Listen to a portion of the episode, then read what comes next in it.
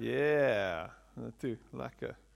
My weekend was made when um, the Blue Bulls lost yesterday, so it was amazing. That was great, and um, yeah, it was it was a wonderful weekend. it made up for the fact that my school, uh, Paul Roos, lost against Boishaai, so um, at least we got a win. Um, and I'm saying we, any other team but the Bulls. So yeah. Anyway, if you're a Bull supporter, tough luck. Anyway, praise the Here. we have to love each other. That is a, that is a commandment, a biblical commandment. We have to love each other and forgive one another. Let's start. Is, is everything a go? Is, is the, the recording is, do, is, is going? Everything is done. Everything's moving the way it should. And our barista is almost finished with his coffee, and we can start with a sermon. Let's close our eyes. I know we've prayed a lot already, but I like praying before I start preaching. Heavenly Father, thank you that we are your children, that we are called your children. Thank you that you're our Father. And because you're our Father, we, we are loved and we are special in your eyes. And my prayer is, Lord, that you'll come and just remind us of, of who we are. Just come and remind us of who we are and remind us that we, we were saved by grace. Remind us that we, that we have life because of your grace. And there is hope because of your grace. And I pray this in Jesus' name. Amen.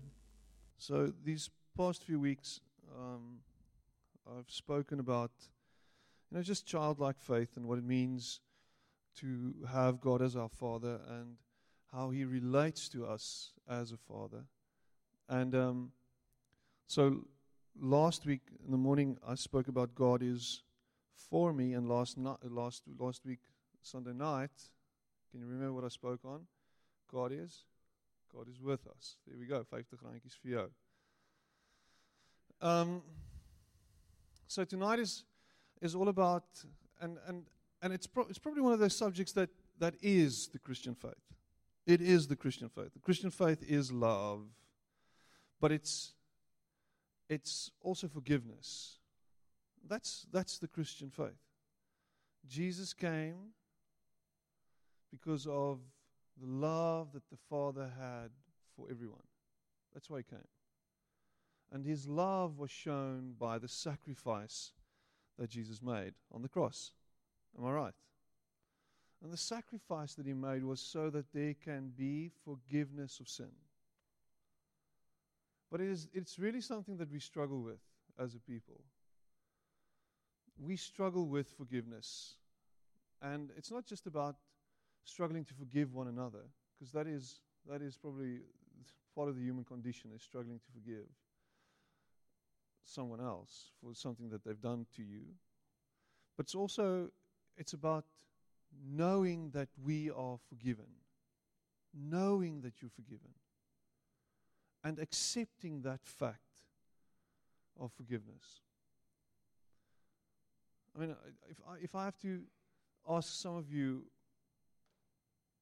some of the bad things that you've done, and you would tell me what those things were, I'd probably see and I'd probably feel the shame accompanied by that telling. I'd probably see the shame in your eyes of what you've done. Maybe I'm wrong, but it's, it's something that most of us struggle with. The stuff that we've done, and we struggle to get rid of those those feelings of guilt. And it's probably because we haven't really, truly accepted the fact that we are fully forgiven. It is something that we struggle with. If I have to tell you that you are truly forgiven, there's always this, this, this doubt in your mind. this just this, this fleeting moment of doubt running through your head saying, you know what? I wish it was true. I struggle with that. As a child, you have to accept that the Father, when He forgives you, is really forgiving you. I can see it with my children. There's this, this moment where the punishment comes, where they, they have to pay the price for what they've done wrong. Whatever it is, maybe it's a smack on the bum, and yes, we often do smack our kids. Um, we are moving away from that in a certain sense, and we've uh, found other ways of punishing them, like uh, waterboarding and um, other terrible things. you know, just locking them up in their rooms for three or four days. So we've really, we've really got to a point where we really punish. no. Anyway, but that moment where you where, where punishment is dealt out and, and given and they need to know and you see it in their eyes they need to know that this will not be held against them they need to know that and you have to affirm that as a parent and if you read 1 corinthians 13 you'll see that love never keeps score of the sins of others if you read eugene peterson's paraphrase of the message. He says it's so clear, it's beautiful. Love doesn't keep score of the sins of others. So we need to remind them in that moment that yes, you had to pay a price for what you've done wrong, but I forgive you and you are forgiven. And as a child, you see them absorb that, absorb that forgiveness. And there's a free there's a, there's a, there's a free, uh, uh, uh, a, a, a, freedom, you, a freedom that sort of goes with, with, with, with a child. There's, there's, this, there's this freedom of expression when they are forgiven. They just, it's forgiven, it's, it's forgotten. And I don't remind them the whole time of what you did yesterday. You remind remember what you did yesterday, and you remember that that's not what a parent's supposed to do. We are supposed to not live in the past, deal with the stuff, and move on. There's nothing worse than looking around and dealing or giving and heaping guilt on people. Just laying the guilt, just playing the guilt game, just making someone feel guilty, just manipulating them with guilt.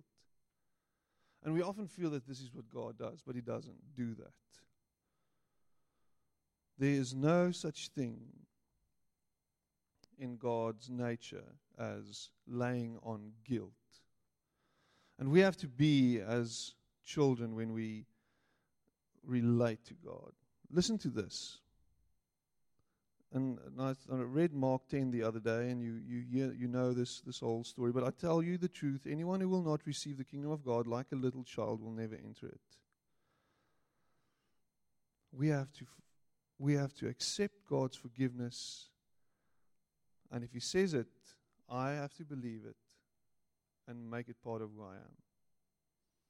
And here in 1 John 1, verse 9, he comes, the, the, the author says the following. He says, maybe you know this scripture. If we confess our sins, he is faithful and just and will forgive us our sins and purify us from all unrighteousness. If we confess our sins, He will. He, he will be faithful and just and forgive us our sins and purify us. So, what God does with our sins is He, he removes them, He removes our sin completely. Psalm 103, verse 12 says the following He has removed our sins as far as, as uh, far from us, as far from us as the east is from the west. That is, that is really, that is such a cool verse. And we, we often quote it, and we often hear it being quoted. But we, we, we miss this, this as far as the east is from the west. You know, north and south as a point on, on, on, on our planet. There's a point of north and there's a point of south, but there's no point for east and west. So it's such a beautiful picture of God's forgiveness being removed from us as far as the east is from the west. In other words, just taken away, completely away. And it's as if it's never seen again. I love the, the, the, metaphor of this and how the psalmist puts it. It's not that it's not even that God no longer holds our sin against us. He completely separates our sin from us. Completely our sin is separated from us. It is no longer attached to or associated with us. How, how, does that sound? It is no longer attached or associated to us. We often associate with our sins. Our sins define us. Now, I've, I've seen this, this video. I don't know if you, if you can remember that show. Uh, it's called Growing Pains. You know that, that show. And one of the characters in Growing Pains, uh, his real name is Kirk Cameron. You know, you know that guy. And he's a well-known Christian activist, and he runs around and does a whole lot of things for, for the kingdom. One of these things that he's, that he's done, and which I don't like very much, is he runs around and then he'll interview someone and he'll ask him a few questions. He'll ask, Have you ever lied? And then the guy says, Yes, I've lied. And then he says, You're a liar. And then he'll say, Have you ever lusted? You know, looked at a woman or whatever. And then he goes on and he lays this identity of sin on the person's shoulder. And it's sort of, I cringe when I hear that. Because in Christ Jesus, we are not defined by our sins. Never. You are not a liar. You lie, but there's a difference. You are image of God. You are not created in the image once you found Jesus. You were created in God's image. You are not a liar. That's not who you are. You are not defined by your sin. You're a sinner. There's a total difference to that. And we need God's grace to free us from that. And He's given that to us. But our sin in Jesus Christ is completely removed from us. He doesn't even look at our sin anymore in him. He forgets, so he moves, he removes our sin completely, and then secondly, he forgets our sin immediately. And that's sort of weird to attribute something like forgetfulness to God. You know, that doesn't make sense. God forgets something. A mother never forgets. A dad never forgets. We always remember. God forgets. It's sort of, uh, that's so corny, man. How does God forget? I, even I, am he who blots out your transgressions for my own sake and remembers your sins no more. Isaiah 43, verse 24. I, even I, am the one who blots out your transgressions for my own sake and remembers your sins no more. He doesn't look at us as this terrible sinner anymore. You have been forgiven in Jesus by Jesus. He makes the willful decision to limit his memory as it relates to our sin. That is an incredible, an incredible feat. And I love that. So, why is it that if God's forgiveness in our lives, yet we don't feel forgiven? There's this feeling of unforgiveness. Just be honest with yourself in this moment. I don't feel forgiven. I don't feel forgiven. Have you ever been have, have you ever been to, to dinner or to the spur for lunch, maybe, and someone offered to pay, or your friend, the people that you went with, offered to pay for your meal? Yeah, just think about that. How did that make you feel? Some of us are sort of, oh, wow, yeah, that's amazing. And some of us struggle with that. sort of, oh, okay, okay, no, no, no, man, you can't do that. Uh, you know, ah, no, don't, please don't do that. My, my mother-in-law is, is one of those people. She really struggles. En ek skinder nou 'n bietjie van haar, okay? Dit is my skoonma, so ek mag van haar skinder. so, sy sukkel rarig met dit. She she can't really receive. That's something that she struggles with and I am constantly reminding her of that fact. And I say, "Please accept this gift that I'm giving to you now. This gift of a cup of coffee or a cup of tea. I'm going to make it now. Mom, you want a cup of coffee? No, no, don't worry, Pete. I'll, I'll go make myself one later. And then she, she gets up, literally two or three minutes, and I often spite her and I don't make her one. But I mean, then she'll get up and she'll go make herself one because she can't accept this token of just pure grace. I just want to make you a cup of coffee, for goodness sake, woman. And I love making coffee. I grind the beans and I put it in my little espresso maker and I put it on my gas, little gas, camping gas stove. And I make a beautiful cup of coffee. No, don't worry, Peter. I'll make myself a cup of coffee. Then she goes and she gets herself some of her decaf coffee. Do you know there's something called decaf coffee? And then she makes decaf coffee. And, um, and I feel really slapped in the face and head butted between the eyes and whatever. But but you maybe you went out for and I went on a bit of a tangent now, but you went out for, for, for, for lunch and something, and what you want to do if someone gives you something is you say, okay, okay well, I'll, I'll, I'll, I'll get the, I'll, I'll, I'll take care of the tip. Okay, I'll do the tip. Okay, I'll do the tip. Okay, because and then if, if the guy really meant to pay for everything, he'll look you straight in the eye and say, What are you doing?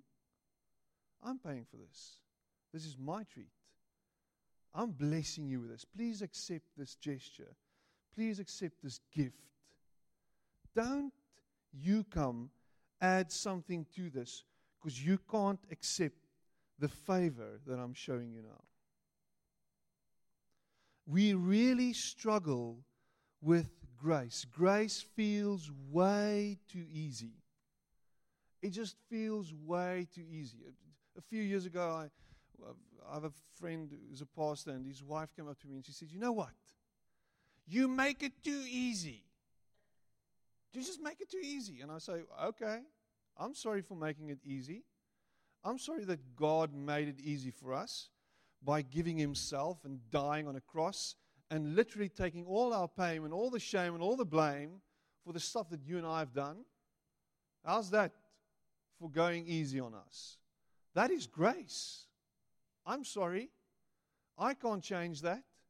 There's nothing I can add to what He's already done. Adding something to that is, is, is once again not accepting the full gift that was given you. God's grace plus anything else isn't God's grace at all. Grace feels too easy. Grace is too good to be true. It makes me feel better if I add a little something to it. And we, we must become like children if we want to enter the kingdom of God. But grown ups, us grown ups, we really struggle with grace. We like the law. We like to be able to control things. We like to be able to say and pat ourselves on the back and say, you know what? I've earned this. I'm earning this. This salvation thing, I'm earning this. I'm really laying down a lot of, you know, stuff. I'm really laying down some of my old habits. I am doing these things in accordance to God's in accordance to God's will and, and, and, and His law and stuff. And I'm I'm really, you know, I'm walking this straight and narrow now. And it's as if I want to make myself feel better about all the stuff that I've done wrong in the past. So now I regularly do Bible study and I pray and I do all these things so that I can sort of look at God and say, you know what, I'm doing this. I'm, I'm, I'm, I'm really, I'm, I'm, I'm getting this done. And, um, you know, God is definitely pleased with me because of that. I prayed like for 10 minutes today. God must be pleased with me to, for that. You know, I, I've given some homeless guy some food or a blanket or whatever. God's definitely pleased with me about that. I've given Radio Tygerberg a whole lot of money. God definitely is pleased with me about that. You know. And then I'm just constantly reminded when I get into that spirit and that attitude of, of, of my Christian life, I'm reminded of the fact that Jesus, right before his ministry started, was baptized by John the Baptist. And when he came out of the water, a voice spoke from heaven and said the following This is my beloved Son, in whom I am well pleased. And God wasn't pleased because Jesus got baptized. You know, we apostolies, yes, jy moet gedoop wees en dan gaan die Here dan begin alles. Dit gaan nie daaroor nie. That's not what it's about. That happened before Jesus did everything, anything. Before Jesus had done anything, God spoke from the heavens and said, This is my son in whom I am well pleased. There's nothing that I can add. There's nothing that I can do to make God love me more. He's loved me from the start. He loves me and He's loved me when I was a sinner. That will never change. He is well pleased with me. And nothing I can do can change that. Oh, Peter, this is cheap grace. That's not cheap grace. And I'm getting to why this is not cheap grace.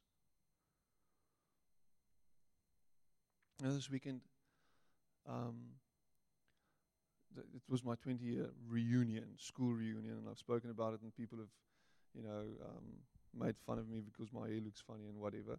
But, um, yeah. Um, what, what, what, what's interesting is the the cool guys are still the cool guys, and the nerds are still the nerds. Um, that was very it was established very quickly, um, and then reinforced when the auction came up, and the guys were taking out big money for stupid bottles of wine and stuff like that.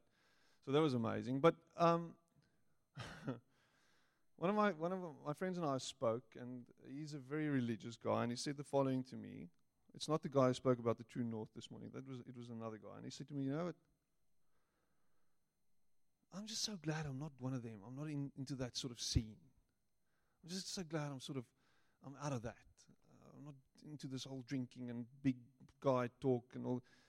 And I, I just, I just, for a, for a moment, felt a hint. Just you, you could sense a hint of pride in his voice. Just for that moment, I'm better than them. And, and I think God's, God is proud of me because I'm better than them in that sense. And he sounded a bit like a, like a Pharisee in that moment. And maybe me judging him makes me a Pharisee. This perpetual circle of whatever. Phariseeism. what a bad word. So, you know, and that's what happens when we do this, when we add things to God's grace. We become sort of we just walk around with our backs straight up and our shoulders pressed back, and we're sort of proud in our accomplishments, in our spiritual accomplishments. You know, I've prayed for so many people and I've done so much for the Lord and stuff. I'm sorry, dude. It's not about what you've done, it's about what He's done. That's what it's about. That's what the gospel is about. It's about nothing else.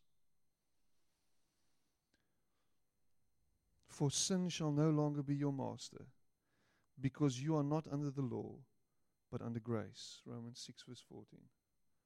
Sin shall no longer be your master, for you are no longer under the law. 613, 613 laws the Pharisees tried to live and abide by. And they laid this burden on people. And we often lay this burden on ourselves. You have to do this and you have to do this. So, I've spoken on, on, on the following on the following chapter. I've spoken on this rather recently, but this is really just just reminds us once again of God's grace and what He's done. And you've watched the video a few weeks ago on that as well. But Luke 7, verse 36 to 39. When one of the Pharisees invited Jesus to have dinner with him, he went to the Pharisee's house and reclined at the table. A woman in that town who lived a sinful life, in other words, she was a prostitute, learned that Jesus was eating at this Pharisee's house. So she came there with an alabaster jar of perfume. And as she stood behind him at his feet, weeping, she began to wet his feet with her tears then she wiped them with her hair, kissed them, and poured perfume on them. And when the Pharisee who had invited him saw this, he said to himself, If this man were a prophet, he would know who is touching him and what kind of woman she is, that she is a sinner.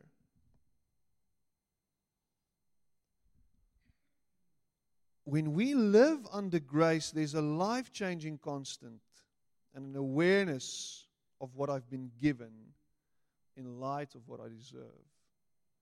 There's a constant awareness of what I've been given in the light of what I deserve. And this is really what grace is all about. Living under grace propels us to, in the first place, change our heart's affection. What is it that my heart longs for? What is it that I want to become? What is it that I want to be someday? What is it that I live for? So, in verse 44, he goes on, he says the following Then he turned toward this woman and said to Simon, Do you see this woman?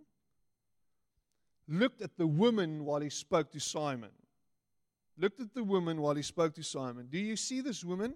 I came into your house. You did not give me any water for my feet, but she wet my feet with her tears and wiped them with her hair. You did not give me a kiss, but this woman, from the time I entered, has not stopped kissing my feet. You did not put oil on my head, but she has poured perfume on my feet. Therefore, I tell you, her many sins have been forgiven, as her great love has shown. But whoever has been forgiven little loves little. Then Jesus said to her, Your sins are forgiven. I need you to like me. This is what we often do. We turn, we find our, we find our, our, our who we are, our identity in often in sort of relationships. You have to like me. I approach you and sort of I lay down everything for you. And we, we live with this this, this openness and this mindfulness of, of, you know, this is who I am, like me, like me for who I am.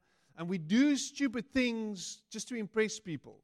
We often look at other people to define us instead of looking at Jesus. This story is about a woman who couldn't find herself, who's lost herself in, in, in a terrible life, but has found herself in Jesus. You look for hope and you look for happiness in your job and in your marriage and whatever, and you think that's where you'll find it. You look for happiness all over the show, but it's not there. It's always in Jesus. You need something and you look for it and you think this will really this will define me, this will give me some hope, but it's not that. It's always Jesus. It's always grace that you need. Then Jesus said to her, Your sins are forgiven. What is it that you're in love with? What is it that you idolize? What is it that you look to for purpose? Where is it that you find it? In the way you look? In what you wear? In what you drive? In what you, where you live? And who you got married to? Is that, is that your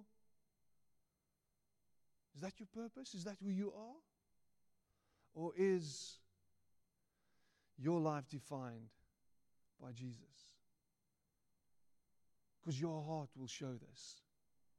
Because nothing else will matter. Everything else is an add on, is is a, is a reminder that God loves me and that His grace is sufficient for me. Everything else is sort of, it's just, thank you, God. Thank you for that. It's just being grateful for everything you have. But my heart's affection is Jesus. Everything I own is yours. This woman took everything that was important to her and she broke it and poured it out on him. This was her life's work destroyed at the feet of Jesus. That perfume was worth a whole year's a whole year's worth of labor. That's how much it was worth. That was her everything. And as a prostitute, she had to smell nice. You couldn't afford to stink. okay? They didn't bathe that often. There wasn't that much hot water, showers in those days. So it was all about the perfume. You walked past a woman and you'll smell her and you'll know.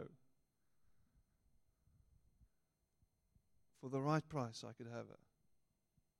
And that's the way she sold herself. That was her everything. And she laid that down at Jesus' feet and said, You know what? I need you. I'm giving this, who I am. I'm just giving it to you. And I wonder if that is something that you'll consider doing. Just laying down everything you are at His feet, giving yourself, your identity to Him at His feet. I have to remind myself of that. I often think, you know, I'm working for, the, for God, I'm doing this thing, and my identity is linked intricately to what I do. Who are you? What do you do? I'm a pastor. Oh, that's special. And I was reminded of that this weekend again. These reunions are amazing.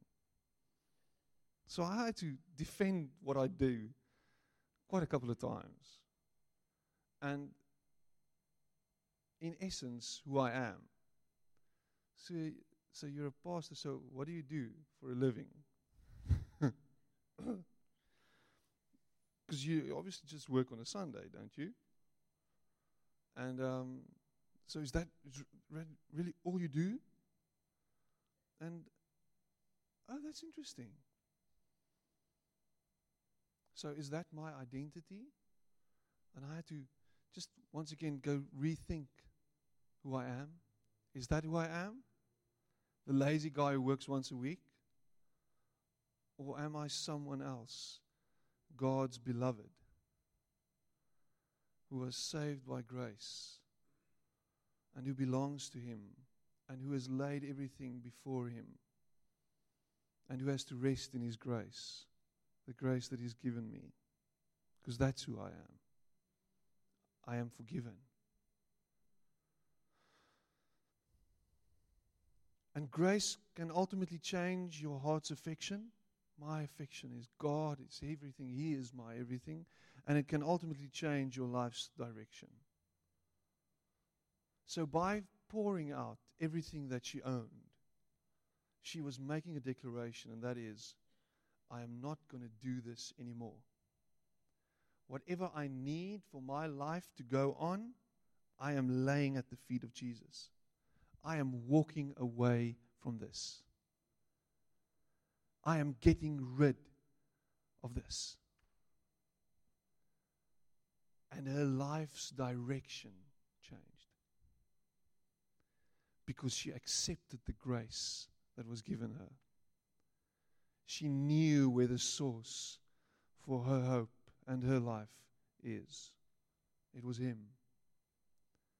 And she made a step of faith by laying everything down. Uh, that's a beautiful, beautiful picture. The affection is driving the direction. The grace of God is dangerous, it's lavish, it's scandalous. I mean, this woman is a terrible person, you know, in our, in our sort of mind. She gives herself to guys for money. I mean, it's ridiculous. And we judge people like that. You know, and, and if you, you want to be spiritual, you hear all these, you know, these, these, these soul ties that were made with hundreds of men. It's terrible. She needs, she needs an intervention. And, you know, the curses must be broken. Moet gebreek weet wat alles moet en al wat Jesus doen is, hy sê net vir haar, jy is vergewe. Bye bye. En omdat sy vergewe is, kan sy 'n koersaanpassing maak in haar lewe en kan sy wegstap van om al hierdie goed te doen en te dink dit gaan vir haar vreugde bring en uiteindelik 'n lewe gee. Wat is dit wat jy moet los by die voete van Jesus?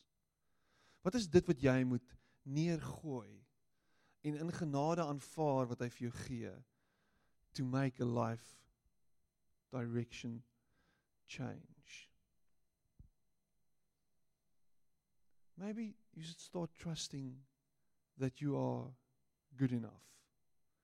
Maybe you should start trusting that what he says about you is true. That you are his beloved. That you are his child. That he will take care of you. Maybe you should start trusting your gut and start following your dreams, the dreams that he has laid in your heart, whatever that dream is and trust that His grace will carry you. Whatever that is.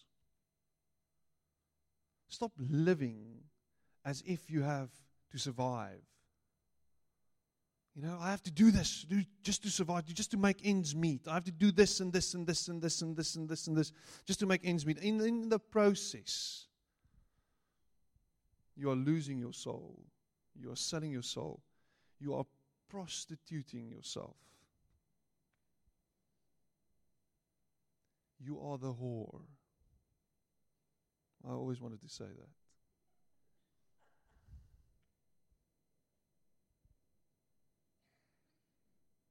And God's grace is there for you. Just to rest in. And He'll take care of the rest. I am forgiven. I don't have to work for others' approval. I don't have to work so that others can look at me and say, Whoa, this is an amazing guy. I have to do all these things. I don't have to do all these things to impress other people. I don't have to earn mega bucks to make myself feel better about myself. I don't need my father's approval or my mother's. I've got God's approval. And He's shown me that by His grace.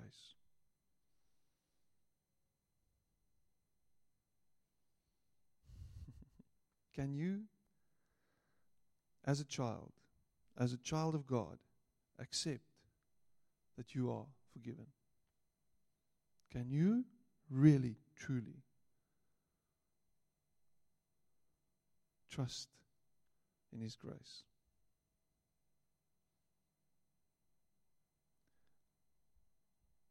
I'm journeying with you.